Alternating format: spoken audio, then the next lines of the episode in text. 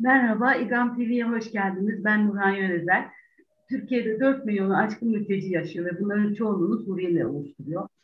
Suriyelilerin sayısı son rakamlara göre, son verilere göre 3 milyon 750 bini, 750 bini aştı. 2011'den e, itibaren başlayan kitlesel göç ve gelinen nokta artık biraz daha tartışmalı. E, Profesör Murat Erdoğan'ın hazırladığı Suriyeliler Barometresi'nde e, aslında toplumsal uyumun önemli ölçüde gerçekleştiği, bütün zorluklara rağmen büyük şoklar ve çatışmalar yaşanmadığı belirtiliyor. Ancak bir taraftan da yabancı karşıtlığının arttığına ilişkin çok fazla gösterge var. Bazen sosyal olaylarla karşılaşıyoruz, sosyal risklerle karşılaşıyoruz. Biz bugün çok değerli bir akademisyenle sosyal uyumu ve geldiği noktayı konuşmak istiyoruz. Ağırlıklı olarak Suriyelilerle ilgili e, Yıldırım Beyazıt Üniversitesi Avrupa Çalışmaları Uygulama ve Araştırma Merkezi Müdür Yardımcısı Doktor Öğretim Üyesi Hilal Barıl ile beraberiz. Hilal Hanım hoş geldiniz. Hoş bulduk Nur Hanım. Davetiniz için çok teşekkür ederim. İgam Derbi size. Çok teşekkür ederiz. O kadar yoğunluğunuz arasında vakit ayırdınız. Sağ olun, var olun. Ee, biraz makrodan başlayalım. Ee, ben öyle seviyorum her zaman da onu söylüyorum. Makrodan mikroya geçelim. Özellikle şu 10. 10. yılı açtık biz Suriyelilerin kitlesel göçünün başlamasından itibaren.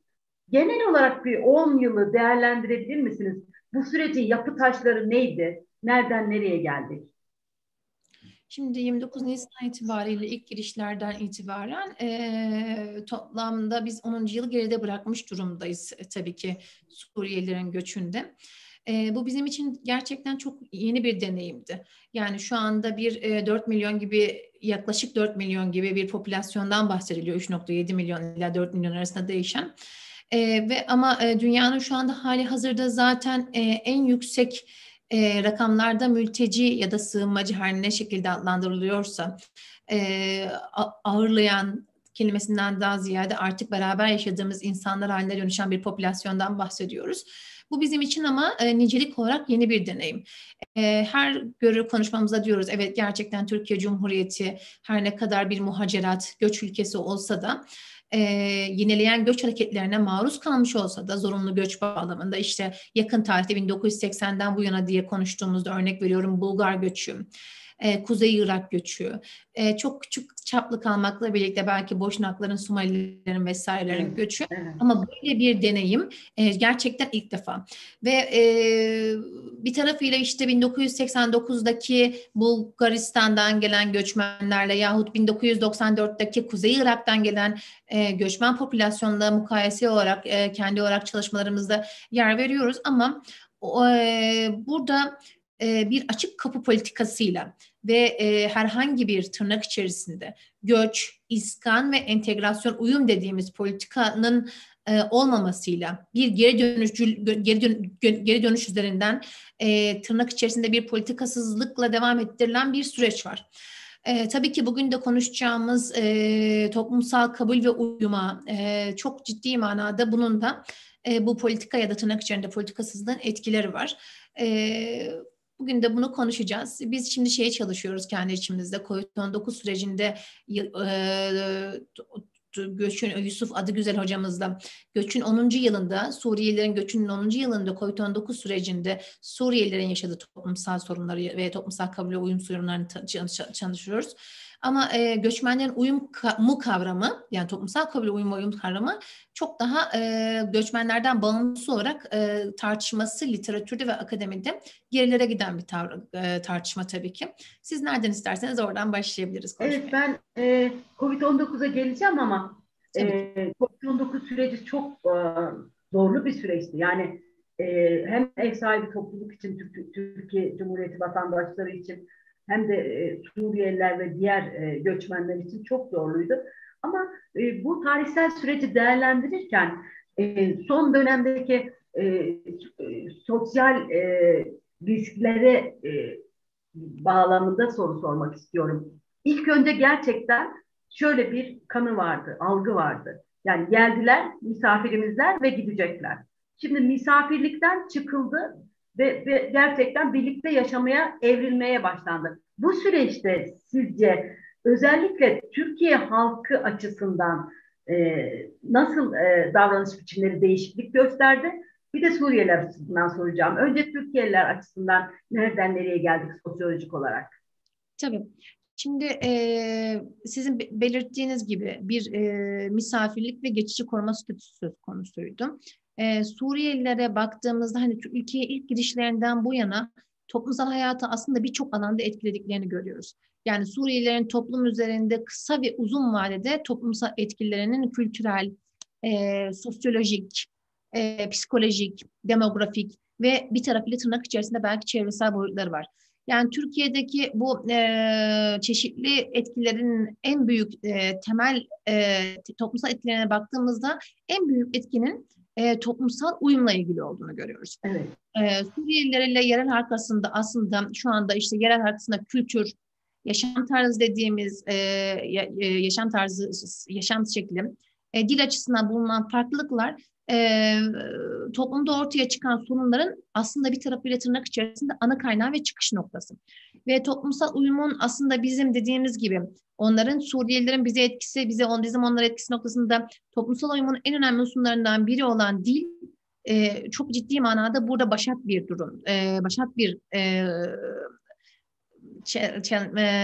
zorluk. Sorun, sorun yaratıyor. Sorun, evet. Yani çünkü dil dediğim dil dediğimiz şey düşüncelerin, kültürün bir tarafıyla istihdamın genel aracı. Evet. İletişimin, iletişebilmenin genel aracı. Dolayısıyla insanın yaşamında önemli oynayan, rol oynayan bir durum dil. Yani bizim burada evet Türkiye'nin beklenmedik konuklarıydı Suriyeliler ve uzun süren bir e, misafirlik söz konusu idi. Artık misafirlik kavramı e, geçicilikten artık e, geçici koruma sistemlerinin uzadığı bir sisteme evriliyor. Yani artık 10 yıldır örnek veriyorum burada olan insanlara siz geçicisiniz denildiğinde bu insanların artık geleceğe yönelik tahayyüllerinde de sıkıntı yaratılıyor. Buradakiler için de e, bir çözüm değil, çözümün geliştik, evet. geç, geciktirilmesi söz konusu oluyor. Yani geçicilik üzerine kurgulanan aslında bu tırnak içerisindeki koruma statüsü toplumlar arasındaki ilişkilerin uyumunu da geciktirerek birlikte yaşayabilmenin önüne geçen bir söylem kurgulanmasına neden oluyor ve söylem oluşturuluyor. Yani burada sizin belirttiğiniz gibi kamuoyunda Suriyelilere 10 yıldır misafir oldukları ve Türkiye'de varlıklarının geçici olduğu, Türklere ise Suriyelilerin fazla kalmayacağı, sonunda Suriye'ye dönecek, döneceği iletiliyor. Ama Suriyelilerin tırnak içerisinde birçoğunun kalıcı oldukları düşünülürse, şu bağlamda söylüyorum. 2010'da işte 10 yıl dediniz ya, 2010 yılında Türkiye'ye gelmiş 10 yaşındaki Suriyeli bir çocuk. Şu anda 20 yaşında. Yani 2010 yılında buraya gelmiş. Şu anda işte eğitimde bir entegrasyonla eğitim kanallarının içerisine girmiş, dili öğrenmiş, bir şekilde anne babası e, bir e, iş evet, alanına evet. girmiş, istihdam sektörüne ve tırnak içerisinde resettlement dediğimiz hani geri dönüşün olmadığı, geri dönüşün e, mümkün olmadığı bir e, portföy var hala. Dolayısıyla burada biz Türkiye'deki Suriyelilerin artık kendi ülkelerinden ziyade bizim ülkemizde bir e, gelecek tahayyülüyle bu, bu olduğunu görüyoruz. Yani burada işte e, ve bu noktada ya da bu tarz araştırmalar da var. Yani herhangi bir e, göçmen topluluğu bir yerden bir yere göçtüyse ve o ülkenin sosyoekonomik şartları geride bulundukları ülkeden daha iyi durumdaysa geriye düşme eğilim, geriye dönme eğilimleri yüzde yirmilere kadar düşüyor.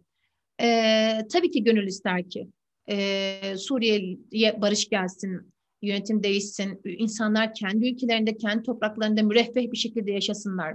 Bu sosyoekonomik sıkıntılarla birlikte, COVID-19'la birlikte, pandemi artı ekonomik sıkıntılarla birlikte zaten kendi ülkeler ülkeler şu anda kendi sosyoekonomik durumlarını ancak döndürebiliyorlar. Dolayısıyla göre bunu ister ama pek dediğimiz hani do, o, e, ger, olguyla e, işte oluşturulmaya çalışılan algının arasında maalesef uçurum var ve bu gerçekle yüzleşmemiz gerekiyor. Yani uyum politikaları dediğimiz toplumsal uyum noktasında onların bize etkisi Suriyelilerin bizim onlara ettiğimiz noktasında en önemli şey toplumsal uyum kavramsallaştırılması ve e, aslında bu bizim bir tarafıyla da Murat Hoca'nın da deyimiyle kendi toplumumuz için yapacağımız bir şey. Suriyelilerden ziyade. Evet. Kendi toplumsal ahengimiz ve uyumumuz için yapabileceğimiz bir şey. Ve e, bizim e, bu e, olguyu düzenleyerek bir tarafıyla e, değerlendirerek 10 yıl aradan sonra değişen yeni ihtiyaçlar doğrusunda düzenleyerek yeni ihtiyaçlara cevap verebilecek bir forumu üzerinde çalışmamız gerekiyor e, ülke olarak. Peki bu yeni ihtiyaçlar derken e, geçmişteki ihtiyaçlar ihtiyaçlardan farklı ihtiyaçlar mı bunlar? Yani e, belli bir e, şeyde tutsak böyle e, A, B, C diye sıralasak nasıl bir öncelik sıralaması olabilir bu ihtiyaçlarda? Hani bir kere ilk önce farklı kültürden iki halkın toplumsal ve kültürel uyum sorunu var. Yani farklı iki kültür var. Yani burada her ne kadar artık geride bırakmamız gereken e, söylemler işte biz aynı kadim toprakların insanlarıydık, Çanakkale'de beraber savaştık, e, şudur budur. Hayır, bir fact var yani farklı kültürler var. Yani 100 yılı aşkın süredir beraber yaşamamış olan iki halkın, iki farklı teritoryal e, evet. halkın e, bir e, farklı iki kültürün, iki halkın toplumsal ve kültürel uyum sorunu var. Şimdi e, burada baktığımızda e, imkanlar ve kısıtlamalar noktasında baktığımızda her yeni gün dinamik aktif bir sürecin gerçekleştiğini görüyoruz. Yani burada e, çünkü e, göçmenler yani ya da Suriyeli popülasyon dediğimiz e, Suriyelilerle yerel halk arasında toplumsal uyum aslında bir tarafıyla dediğimiz gibi her zaman için iki yönlü, dinamik, interaktif dediğimiz bir süreç olarak iki topluluk arasındaki uçurumu kapatmaya katkıda bulunan, eşit muamele görmelerini sağlayan bir şey. Yani bu noktada da Suriyeliler için toplumsal uyum aslında yeni bir kültürel öğrenme, e, hak ve yükümlülükler edinme, e, toplumsal statüye erişme kazanma, geldikleri topluma ait olma hissini oluşturma süreci. Yani biz burada e, toplumsal e, uyumla ilgili revize edilmesi gereken ne var diye konuştuğumuzda maalesef işte en son işte Altın Dağ programı gibi programların evet. ya da Senyurt programı gibi programların yaşanmaması için e, bizim e, ilk biraz önce bahsettiğiniz gibi acil olarak işte e, karşılanması gereken COVID-19 biraz maalesef bizi toplumsal kabul ve uyum politikalarından geriye döndürdü. O basic dediğimiz ilk temel acil ihtiyaçlara döndürdü ama acil olarak karşılanması gereken ihtiyaçların yanısında biraz önce söylediğim gibi bizim akademide e, araştırmalarda şey yaptığımız en önemli, en ilk şey uyumun anahtarı dediğimiz şey e, dil kazanımı. Türkçeyi öğrenmeleri. Yani yeni bir toplumda, on, Suriyelilerin girdiği Türkiye toplumunda kabul görür davranışları geliştirmeleri için bir dili aslında yeni baştan öğrenmek, yeni kültür hakkında bilgi edinmek, e, göç veren ülke ile göç alan ülke arasında kültürel farklılık ne kadar az ise daha kolay olacakla birlikte yani bu dil bir anahtar. Dolayısıyla toplumsal alanın farklı kalan e, e, toplumsal alanın farklı katmanlarına e, farklı alanlarına katılım için farklı alanlara katılıp ana dil konuşmaya gerektiriyor bir kere. Dil bizim en büyük sorunlarımızdan biri. Eğitimde de sorun, insanların iletişiminde de sorun, değerlerin ve kültürlerin öğretiminde de sorun, öğreniminde işte de, de sorun. İstihdamda, işte, girişimcilikte. Evet, yani e, bir kere şu söylemi bir tarafa bırakmak gerekiyor. Yani kültürel uyum için vesaire. Şimdi Anadolu kültürü ve Suriyelilerin kültürü arasında benzerlikler, tarihsel ortaklıklar kadar farklılıklar da var. Evet. Dediğim gibi ilk başta. Farklı iki kültür var. İki halk arasındaki bu farklılıklar da uyumu zorlaştırıyor toplumsal uyumu. Toplumsal uyum zorlaştıkça da işte dediğim gibi programlar, e, göçmen karşıtlığı, yabancı düşmanlığı, seçime giderken e, göçmenlerin bizatihi varlığının politize edilmesi bu uzun vadede göçle birlikte oluşan farklarla baklara baş etmek için e, olumlu bir tutum oluşturmak için uyumun temel şartlarından biri e, ilk önce toplumsal ve kültürel uyum için e, dil kazanımı. Yani e, bu sosyal e, dil kazanımı farklı dil ve kültüre sahip olan Suriyelilerin göçümünün e, Türkiye'de bir tarafıyla e, dayanışma mekanizmalarıyla e, ve e, uyum politikalarıyla e, re, e, rehabilite edilmesi için ya da toplumun buna e, aşinalığı için en önemli unsurlardan biri olarak görüyoruz. İki grubun birbirine ilişki kurması ve güvenli bir ortamın oluşturulması için. Çünkü birlikte yaşam ve kültürel uyum için en başat unsur dil. İkincisi okullaşma dediğimiz mevzu. Yani şu evet. anda 750 bin tane Türkiye'de Suriyeli çocuğun hali hazırda doğduğu söyleniyor.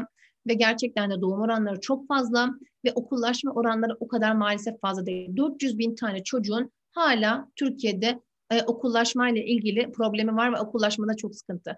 E, çünkü biz kendimiz vaziyet alışlarımızı potansiyel kalıcılık üzerinden, kalmalara ihtimal üzerinden değerlendirecek olursak okur yazarlığı yahut herhangi bir şekilde eğitimden mahrum kalan çocukların e, ileride e, Türkiye'de var olmasının e, potansiyel e, sosyoekonomik güvenlik tehditlerini düşünmemiz gerekiyor okullaşma çok önemli ve e, bu noktada onun haricinde e, bu iki toplumun mutlaka e, birlikte yaşayabilmesi için yerel ve toplumsal ve e, devlet bağlamında kamusal uyum süreçleri çok önemli.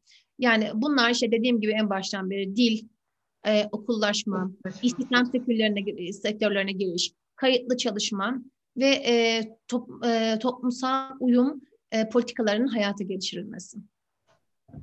Şimdi dil, dil gerçekten sizin de çok e, yürekten katılıyorum. Bir kere dil insanın kendini ifade ediş biçimi, bir dostluğa, barışa adım atması ve e, hani gerçekten kardeşlik diyorsa ona erişmede en önemli, en temel araç.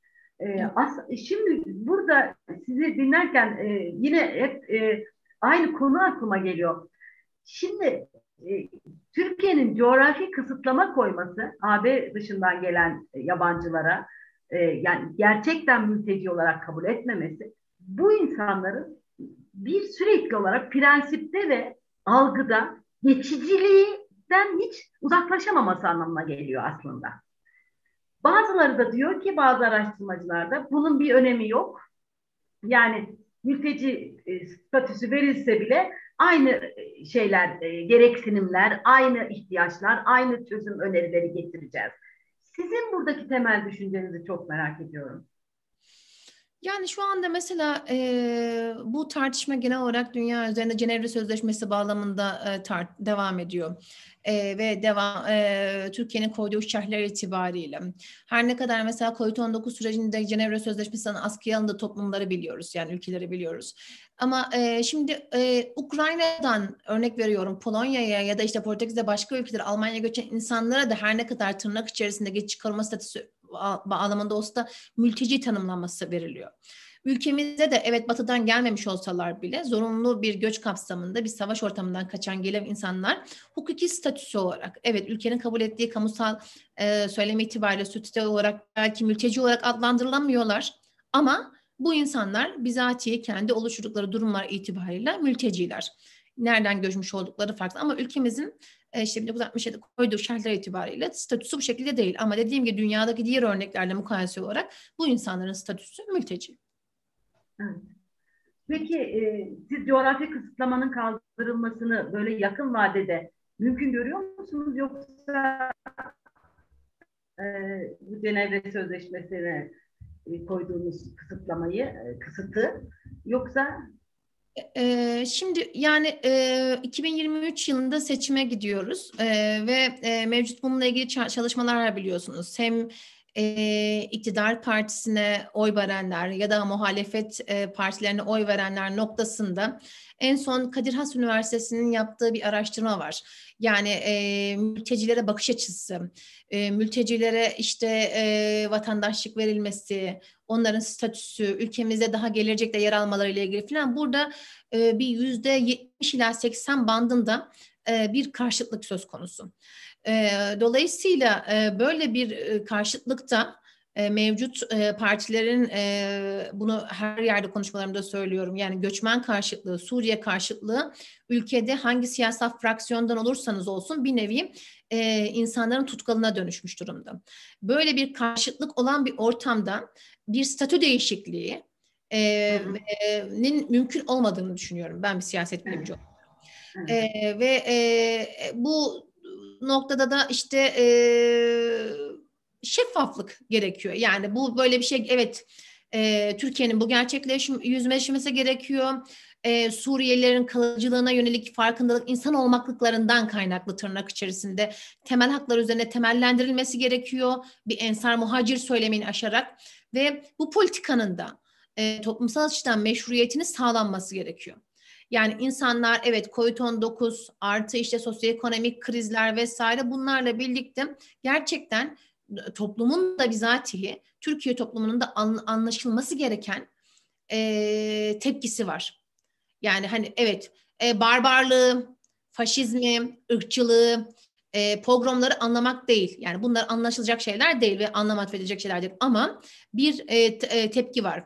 Ama bu toplumsal açıdan dediğim gibi meşruiyet sağlamak için Türkiye'nin mevcut gerçeklikle yüzleşmesi, e, stratejik kararların alınması bu noktada Suriyelilerin artık misafir değil, kalacak olanları veya gidecek olanlarıyla artık burada yaşayacak olan insanlar olarak kabul edilmesi ve karar mekanizmalarına da Suriyelilerin bir nevi tırnak içerisinde dahil edilmesi.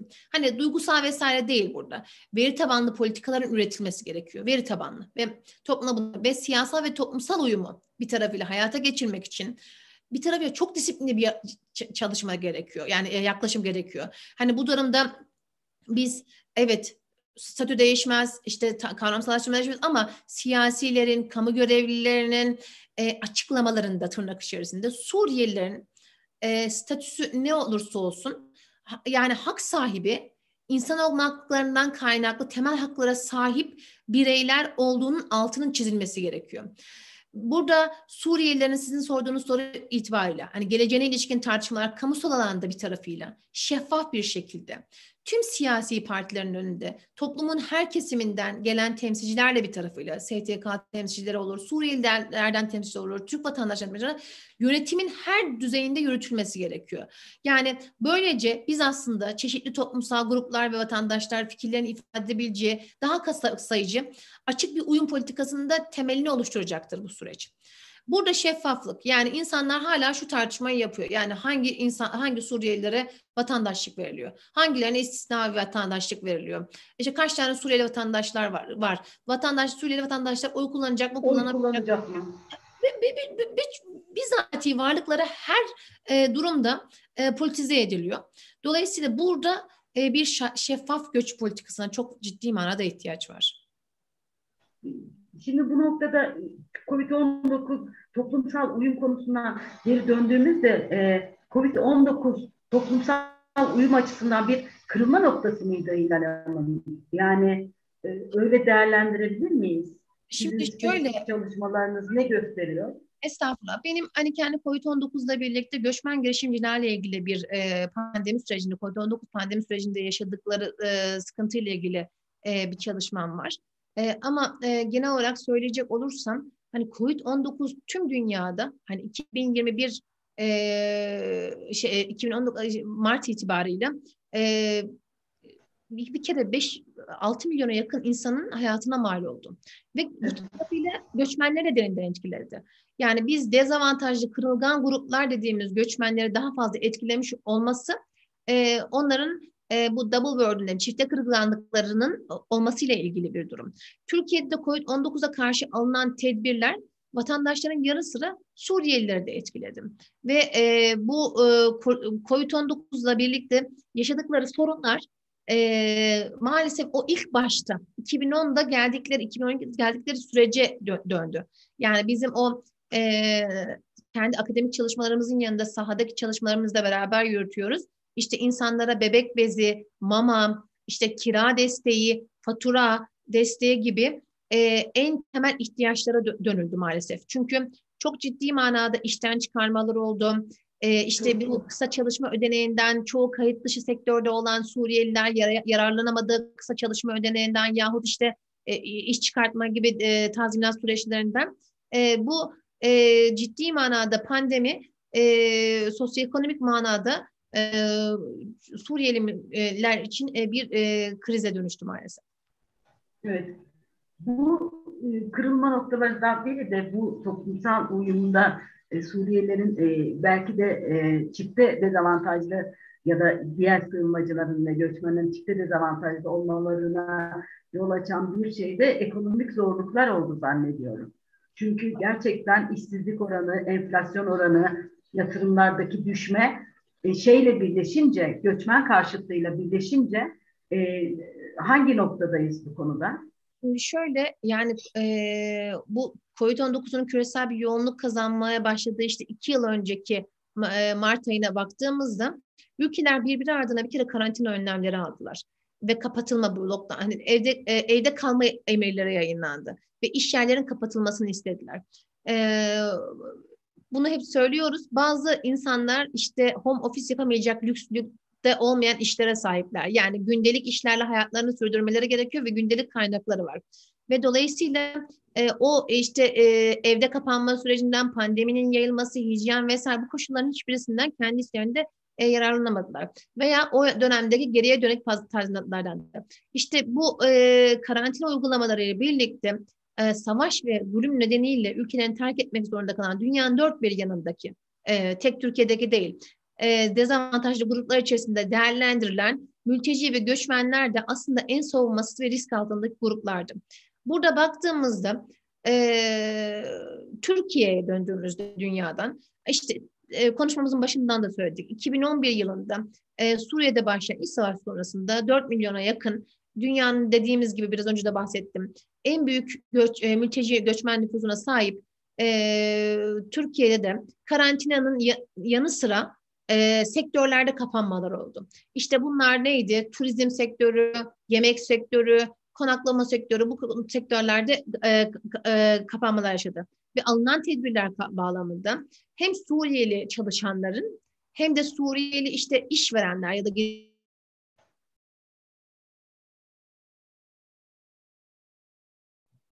gördüm. İşte iş yerleri kapandı.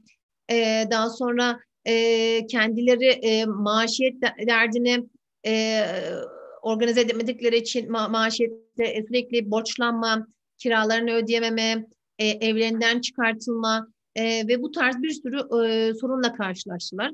E, bununla ilgili de e, yerel e, destek programlarına da sahip değillerdi.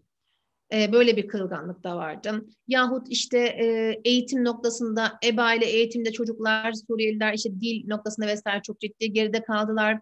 E, e, sağlık noktasında yine e, kayıt dışı olanlar yine e, şeyde e, kimlik numarası olmayanlar gidip sağlık hizmetleri sektörlerinden daha az yararlandılar ya da sağlık malzemeleri, hijyen malzemeleri çok daha az eriştiler. Her alanda maalesef e, yani bu temel ihtiyaçlara erişim, e, geçim kaynaklarının sınırlandırılması ve işsizlik noktasında, eğitim noktasında, e, sağlık noktasında ve bunlarla birlikte, bunların hepsiyle birlikte maalesef e, COVID-19'un yayılması noktasında müsebbibi olarak göçmen, Suriyelilerin görülmesi, e, akabinde e, e, hmm, göçmen karşıtı söylemin artması, e, COVID-19 sonrası beraber gelen sosyoekonomik sıkışmayla birlikte, daralmayla birlikte bunun müsebbibi olarak tekrar e, Suriyelilerin görünmesi, iki yıldır artan bir e, göçmen karşıtlığına,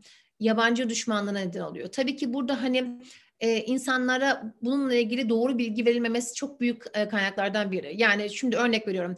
Devlet e, Suriyelilere bakıyor söylemi var. Ama biz bunu biliyoruz ki IFB ile birlikte Türkiye'de 3.7 milyon Suriyeliden 1.4 milyonu o da sosyoekonomik olarak geri, ge, ge, e, gelir sınıfı olarak işte engelli, yaşlı, çalışamayan, çok çocuklu vesaire ailelere kişi başı verilen yani 120 liralık bir destek var. Evet. Ama onun haricinde zaten işte mevcut ben de üniversite hocasıyım. E, Türkiye'nin e, örnek veriyorum e, Suriyeliler üniversiteye giriyor biz giremiyoruz gibi bir söylem var. Ama burada dünya Türkiye'de zaten Türkiye'deki yabancı öğrencilere ilişkin bir kota var. Tek Suriyeli öğrencilerimiz için değil yani Somalili öğrencilerimiz için de vesaire bir başka Suriyelinin üniversiteye giriyor olması herhangi başka bir Türkiye vatandaşının üniversiteye girmesini engelleyen bir durum değil.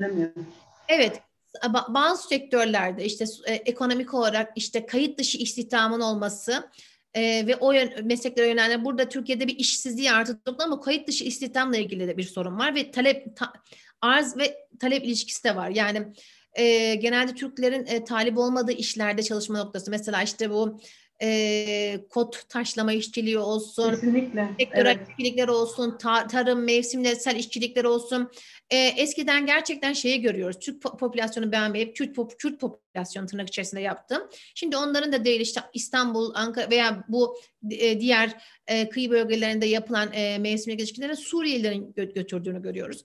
Yahut e, Afgan göçüyle birlikte de tabii artan bir e, paranoya da var. Yani gerçekten anlaşılması da gereken bir şey. Bunu e, bir akademisyen olarak, bir e, sosyal bilimci olarak bunu bu söylemin kendisinde böyle dışsallaşma, ötekileştirmek ya da faşizmle, ırkçılıkla suçlamak değil, anlamak gerekiyor.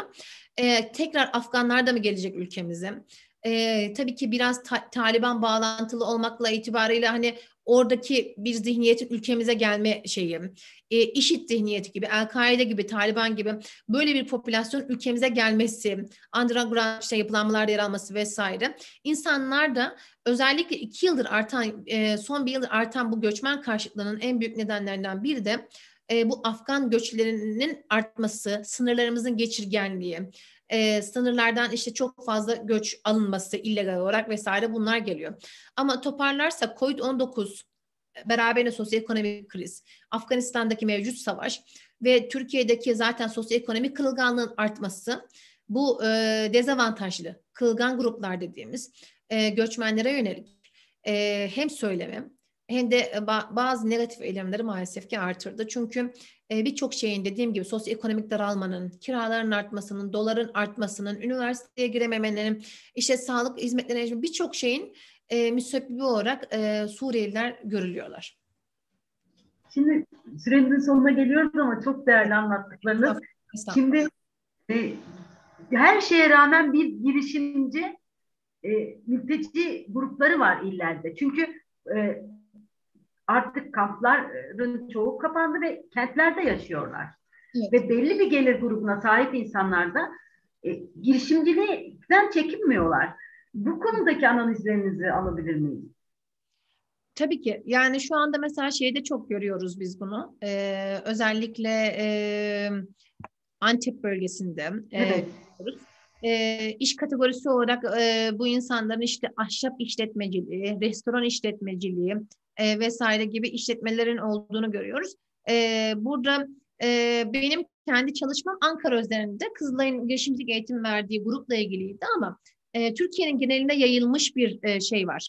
Yani biraz önce saydığım gibi lokanta, tatlıcılık, işte bu falafel dükkanları, kebap dükkanları, pastane, hazır giyim. Kendi ülkelerinde de iyi oldukları anlar. Berberler, berberlerdeki ilk önce örnek veriyorum Suriyeli e, şeyler, kalfaların daha sonra kendi dükkanlarını açması, işte kahvehaneler, kuyumculuk gibi konularda faaliyetler gösterdiklerini görüyoruz. Bu noktada da işte e, onların mevcut e, yaşa, o, o girişimcilerin de yaşadığı sorunlar var. Yani evet. e, idari zorluklar var. İşte Türkiye'deki düzenlemelere aşina olmamaları var. Yasal düzenlemelerdeki e, kaynaklanan sorunlar var. E, bir tarafıyla Enhancer gibi Avrupa Birliği projeleri bağlamında Türkiye'de onların e, pozitif bağlamda ayakta kalma stratejileri. Çünkü örnek veriyorum e, Suriyeliler için en çok e, neyi biz e, negatif bağlamda ayakta kalma stratejisi işte dilencilik, e, dilenerek e, şey yapmaları, ya işte topluma yük olmaları, hep bunlar ya yardım alıyor olmaları vesaire bunlar hep negatif bağlamda ayakta kalma stratejileri. Fakat ama pozitif bağlamda ayakta kalma stratejilerine baktığımızda göçmen girişimcilerin verilen destek Enhancer gibi bir projelerle e, çok büyük projeler ama bir tarafıyla işte dediğim gibi sorunları sayarken devletin göçmen girişimcilere destek konusunda yetersiz kalması ve devlet desteğinin olmaması. Yani bu noktada da e, bu, bu sektörlerde devam ediyor saydığım sektörlerde ama e, onlar da e, özellikle son bir yılda yaşadığımız sosyoekonomik kırıl, kır, kır, kırılganlıkla birlikte ekonomik zorluklar yaşıyorlar, yüksek yaşam maliyeti, e, finansmana erişimde yaşanan zorluklar, işte teminat ve sermaye eksikliği, e, rekabet seviyelerinin artık artması e, ve e, piyasayı etkileyen sorunlar bizatihi onları da belki ilk kat etkiliyor. Dolayısıyla bunlarla birlikte e, yaşadıkları yani bu tek göçmen girişimcilerin değil, Suriyelilerin evet. bütün popülasyonun yaşadığı sosyokültürel zorluklar, dil güçlükleri en başından beri konuşmamızın saydığım, işte ayrımcı davranışlar, göçmen karşıtı, farklı kültürel sosyal sermaye eksikliği yani destek ağlarına erişim noktasında bir tarafıyla zayıf ekosistem bağlantıları yani diğer Türkiye'li girişimcilik evet. baktığımızda yani e, biz orada baktığımızda e, onların e, Türkiye'de ilk andan itibaren ekonomik, sosyal eğitim, sağlık, üretim, tüketim, işte çalışma biçimleri, gündelik yaşam açısından dezavantajlı kesimler arasında yaşıyorlardı. Ve ama bu işte ben e, konuşma başından beri söylüyorum. Covid-19 e, bu tür insanların hayat, ayakta kalma strateji bağımında girişimciliklerini vesaire geçim kaynaklarına erişimlerine sosyoekonomik krizine neden oldu. Ve maalesef e, bu e, kesim bundan iki kat daha etkilendi. Ve e, bunlara baktığımızda e, geçim kaynakları, hane gelirleri, temel ihtiyaçları noktasında işte örnek veriyorum yabancı düşmanlığı ve ayrımcılık deneyimleri noktasında, işte çocukların eğitimi noktasında, teknolojiye erişim noktasında bile koyduğum noktamı yeni dijitalleşme noktasında her konuda e, krizleri beraberinde getirdim. E, ve e, maalesef e, bu etkileri devamını şu anda da görüyoruz. Ama bir tarafıyla da bu geçen gün bir tartışma vardı yine. E, bir tarafıyla gündel, güncel medyayı da takip ediyoruz. E, işte Fatih Altaylı bir tehdit mi? Evet. Ken Nagihan Alçı farklı bir zenginlik mi acaba e, diye bir tartışma. Yani bu girişim dükkan, girişimcileri, girişimcilerin açtığı işte atölyeler, iş yerlerini bir zenginlik olarak görüp görmemek. Bu bir tarafıyla e, sizin bakış açınıza da bağlı.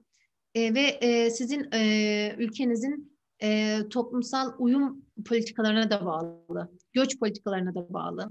Hem kendi halkımıza hem de karşı halkı muhatap olarak anlatılan e, göç politikalarına da bağlı. Sizin konuşmamızın başında çok e, önemli vurguladığınız bir şeffaflık konusu vardı. Evet. Sona gelirken en önemli çözüm noktalarından biri şeffaflık mıdır? Bunu nasıl sağlanması gerekiyor? Yani şeffaflık e, bunun nasıl sağlanması gerekiyor? Kamuoyunda yürütülerek yani sağlanması gerekiyor bu tartışmaların dediğim gibi. Yani e, bu insanların e, e, varlığının e, evet gerçekten e, başka e, şunu takdir etmek gerekiyor. Yani Türkiye'de toplum e, Suriyelilere başka hiçbir ülkeyle kıyaslanmayacak şekilde olumlu yaklaştı. Hani toplumsal kabul düzeyinde yüksekti. Yani burada e, Suriyelilerin ve Irak'ın birbirine güven duyması daha geniş bir toplumsal uyum için şart evet vesaire. Ama bizim dediğimiz gibi biraz önce e, fren mekanizmalarının hala aktif halde korunması için yani yerel halk ile Suriyeliler arasında yaşanan bazı sıkıntılara rağmen örnek veriyorum bahsettim size Esenyurt olsun dedim Altunları fren mekanizmalarının e, gelişmesi e, ciddi toplumsal sorunları yaşaması toplumsal yapının sorunlarla baş edilmesi e, noktasında gerçekten iyi bir şey bir tarafıyla. Yani ama kamuoyunda yürüyen tartışmalara baktığımızda insanların kendine yabancı olan insanlar hakkında pozitif düşünmemeleri de anlaşılabilir bir durum. Yani bu noktada anlayacağız. Ama olumsuz toplumsal etkilerin sonuçlarının nereye varacağı noktasında politik aktörlerin tavırlarında saklı bir durum var. Yani insanlar arasında kim ve nefreti kendilerine bir nevi kazanç olarak gören.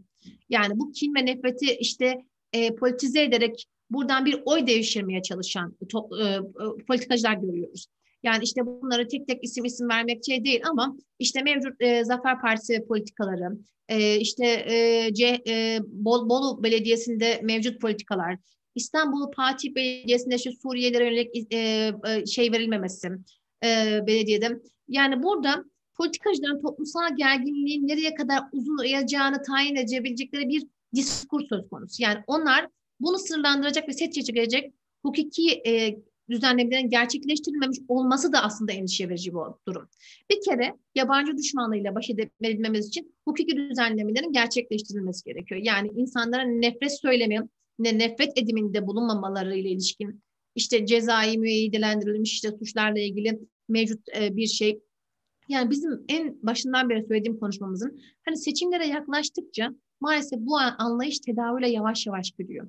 Yani evet göçmen karşıtlığı kısa vadede Avrupa'da da görüyoruz. Belki e, oya tahvil edilecek bir şey ama bizim kadar en başından beri söylüyorum e, en büyük e, dünyadaki göçmen e, mülteci popülasyonuna sahip ülkeler için göçmen karşıtlığı bir dinamit yani iki toplumun da altına. Yani burada biz bu durumu kışkırtmak isteyen unsurların son derece marjinal kalması gerekiyor. Yani bunun ana aktörler tarafından e, dolaşıma sokulmaması gerekiyor. Gerek muhalefet için, gerek iktidar için bunu söylüyorum.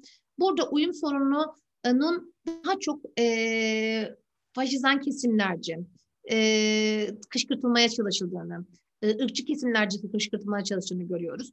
Bu noktada da e, bir tarafıyla da iyi yönünden de bunların sistematik bir şekilde devam etmesi noktasında e, Suriyelilerin Türkiye toplumuna uyumu sürecinin sancılı olduğunu başladı, sancılı da olsa başladığını görüyoruz. Yani biz bunu evliliklerde görüyoruz, açılan işletmelerde görüyoruz, yabancılarda e, toplumsal kabulün her ne kadar işte bir pushback gibi Amerika'daki gibi o işte pardon Avrupa'daki gibi dışsallaştırmaların olmaması, it, geri itmelerin olmaması yani e, vesaire bunlar bizim ülkemiz için evet kazanım.